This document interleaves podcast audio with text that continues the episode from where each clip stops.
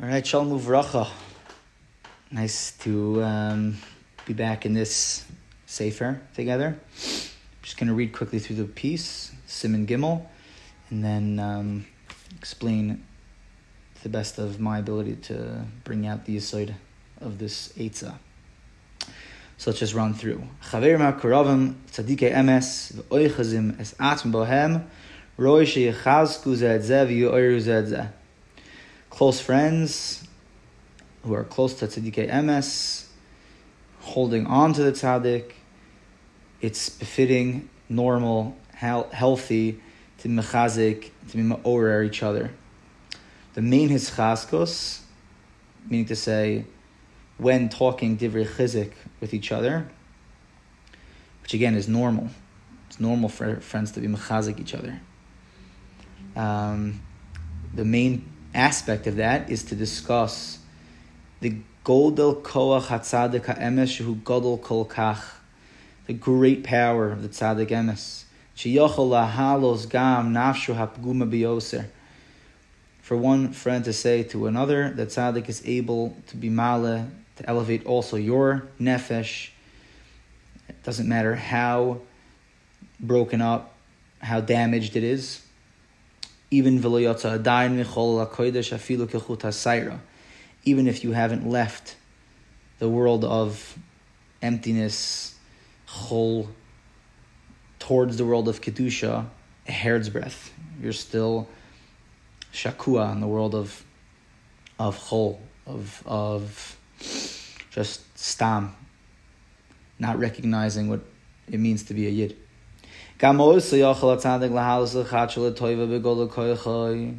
Even this person, the tzaddik, is able to be male, to elevate and to refresh and to renew with his power. And this is the and this is what the friends who are makurv to the tzaddik should be discussing.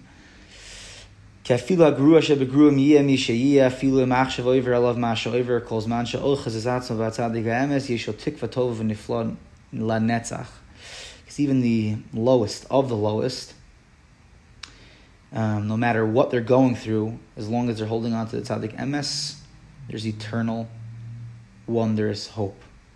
Kam shekol echad yachazik es chaver v'yor v'yachaz ku es baruch kol echad es kol ha'etzos tovos sheyoidim u'mevinim kol echad kfi kiblu and Bays is this second um, field of discussion is bringing out the eitzes of the tzaddik, talking about the advice of the tzaddik, each person according to their understanding of the eitzah. Fine, that's the that's the lashon of Simon Gimel. So let's try and bring out the yisod in the short amount of time left that we have. So here, in this Simon, the Rebbe brings out this incredible yisod being mischazik, that really splits into two different eitzos. And this general idea is called in Breslov Sichos Chaverim. A very big, a very big klalistika yisod in in in Breslov in the way of life of a Breslover chassid. Speaking to friends, right? Speaking to friends about avodas Hashem. And there's no specific surah to how this is supposed to look or how it, you know, how it ought to look. But it's definitely a, a davar, a davar yisodi in Torah Rabbeinu. So A, part one of this Eitzah is Rabbeinu telling us to speak about his Eitzahs, about his advice. You know, going through Likutei Moharan and going through Likutei Halachos, there's an incredible amounts of practical stuff to do, right? And our job as chaverim mikuravim l'tzadikei emes is to discuss how to be makayim these things lamaisa, right? We're not just talking about chassidish ideas and telling over this vart. Well, that's obviously very nice, but what we are trying to discuss is okay, how am I supposed to do hisbodedus, like for a significant amount of time? Or how can I eat like a Jew? Right? And we, we talk about these things together to try and come out with the yisod. he um, the Rebbe also said, right, that, that in order to discuss these things, you don't have to actually be doing chatzos to discuss talking, to to discuss, you know, doing chatzos. You don't have to be, you know, eating with the kavanas of the Arizal and the Rashash to discuss how to eat like a Jew.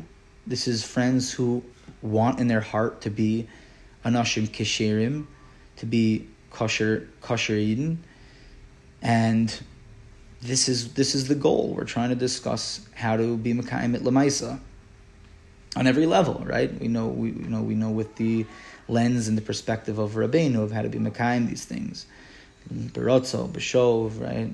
Take eating, for example, friends discussing with each other. Okay, how do I eat like a Jew?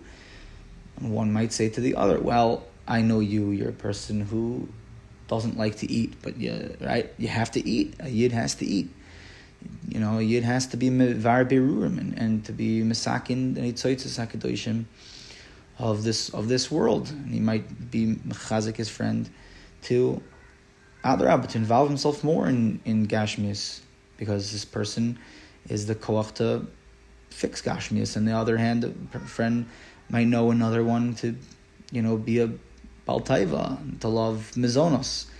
So he was not going to go tell him you know, hey, Habibi, you know, stop eating mezainis. That's not that's not called a chaver. But he might tell him, you know, in your love of mezonos, there's avodas Hashem, right? Just don't forget that you made a bracha. Don't forget that it's kosher. You know, pick one day a week where you're trying to eat with kavana, where you're trying to eat with remembering that Hashem created the food. Don't make yourself crazy trying to remember that every second, every second and every day. But pick one day a week where that's something that's more you know, more more chaviv to you. Um, and of course, it's not coming from a competitive place or trying to flex, you know, or humble brag, you know, backhandedly telling your friend that you do an Aravis Bodilus. That's not the goal, obviously. But it's simply to, to try and, you know, use the advice of Rabbeinu in a healthy and, and positive way. Um, the other side of this Eitzah, of Sichas Chaverim, is discussing the incredible koyach haruchni of the tzaddik, um, reminding ourselves and reminding each other that the tzaddik has this power to completely revamp and refresh even the lowest Jewish soul, and that's so longer connected to the tzaddik. There's this eternal hope. Okay, that's all nice. That's all cool. It's all great. But just let's try and understand, Bichlal, what is this? What is this? What are we even talking about? And you know, the second question is, yeah, it's two eights, but how are they connected? So this simin in Meshivas Nefesh is based on Torah Yud Gimel in Likutei Moharan, where there it talks about the avoida of the tzaddik to reveal the light of Torah. Um, and it's in his koyach, it's his ability, his his yigia and avodas Hashem that he got this koach to elevate our nefesh to this, the kedusha of the or of the Torah, the panemius of the Torah, of what the Torah is about, not just the words on the paper, but what the Torah is is shining to us. Um, that allows us to live with the constant awareness of Hashem and Hashem's hashgacha, hashgachas Hashem on us in the world. See, when there was a Beis Hamikdash, we had this, we had this place, this unbelievable this unbelievable makom kadosh, where we were able to receive the shefa hadas, this this incredible or hadas that reminded us of who we are. And we had no worries. We lived with no fears and no problems. And if we did a sin, we brought a korban, and that was the end of it. We came out clean and aware of how much hashpah, how much we matter by Hashem and how much our tefillah actually works, and just maybe we weren't necessarily nervous about anything.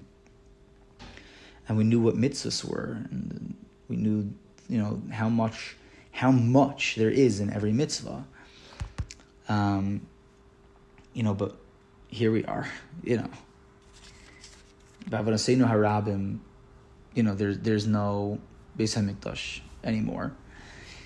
So even though we're learning Torah and doing mitzvahs, we're we're so tied down. We're so we're so lachutz and so nervous with the ol parnasa, the heaviness of just being alive, and that comes with going with the flow of life and going through the motions, and we don't know how to get above.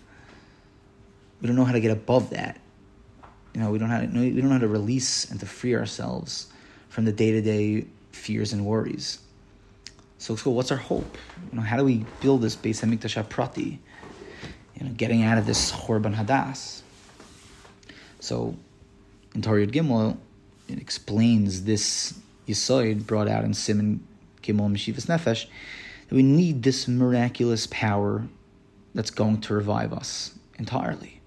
So we can be in a place and accept the Or Hadas, so we can hear it. We can hear and receive chizik from our friend like when our friend comes to you, when a friend comes to you and is willing to give you chizik, or meaning and is willing to give you chizik, then you're able to hear that. You're able to hear that Hashem wants me and Hashem is mashgiach on me completely, and that He cares about me. So, with, and without this, without this miraculous power, without this koach haruchni, this person just caught up in himself and how his life looks at the current moment based on everyone else's life. And this is why it's it's absolutely necessary.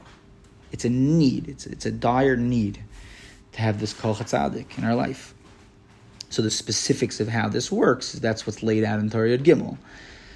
I know, but we're not learning Torah Gimel, we're learning Meshivas Nefesh. So the basics for what we need to understand our basic avodah is to try and believe and know that these ideas that we're learning in this sefer and in these shirim are not poshit bichlal. They're bichlal not poshit. It's not Rabbeinu's not a cheerleader. Rav Noson's not Rav Noson's not trying to trick us. These ideas are not simple.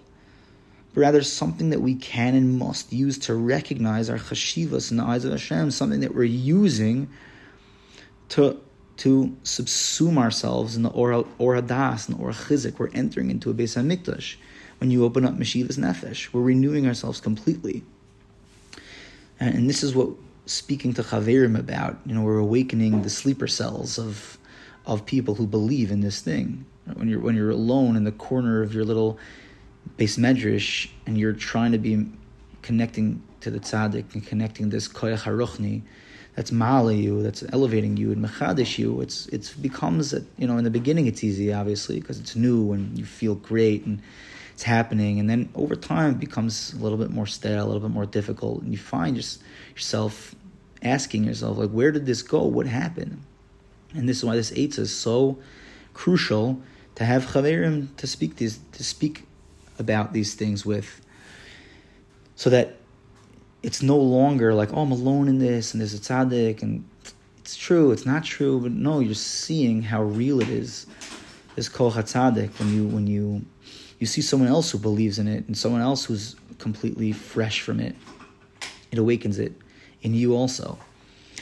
And I, I go to this shir once a week, this Likutei Moharan shir given by Rav Nissen David Kivak, Shlita, and again, Likutei Moharan is a, a, very difficult sefer, and he explains it in a way that I can't understand myself, of course. But the main pa'ula of the shir is, you know, I can learn the Torah by myself and understand the ideas, and I can learn Likutei Halachos, understand the ideas. But the main pa'ula of the shir is I'm seeing someone who believes in the tzaddik, in the koach tzaddik, that the tzaddik worked tirelessly to be able to have this incredible power that he goes down to the lowest nefesh, meaning my nefesh, and he's mechadesh me, and he's speaking to me, and he's shining to me the or haTorah, and all of his chizik applies to me. And when I see something I'm reading about myself, right, and he was Paul that, and and I see that just unfolding before my eyes when I'm at the shir, I come out uh, like I'm reborn. And this is what the Sichas Chaverim is supposed to be, which brings us to answer the second question, which is, you know, how are these two eitzes connected? Is because once it's you know it's it's impossible, it's impossible for the chazkas of the tzaddik to work. At least after the shir is over, you know, and the book is closed, and you're in the middle of this busy day. It's impossible for it to work without believing in the incredible Kochat Tzaddik who elevates my nefesh in the Torah that he reveals. It's impossible. And the same goes true with the other eitzes. It's a, why, why are we going to be Mekayim? Why are we going to do hisbodedus now? Because was Rabbeinu said it's Mailel Yone Gedolim and Akol, it's greater than everything. No, the prerequisite to all of that is believing in the Kol Tzaddik that his eitzos are what Hashem wants from me. And that Hashem is is on me. And he sees that I'm trying, and he sees he sees that I want emes, and he sees that I want emunah. And until we believe in the Kol Tzaddik, that that is mal in my nefesh to be shaykh to all of these things, that these things are shaykh to me, it's almost impossible to try and actually be Mekayim any of these things. So once we speak as Chaverim about the Kol Tzaddik, we're then able to speak about all of the other eitzes of the Tzaddik, to Mechadish and Mechaya and enliven our nefesh, to, to know that Hashem sees the good in us. So L'chaim and Chaverim, hopefully we'll speak in person, live, about this together. And um, until next time, I'm Meshivas Nefesh.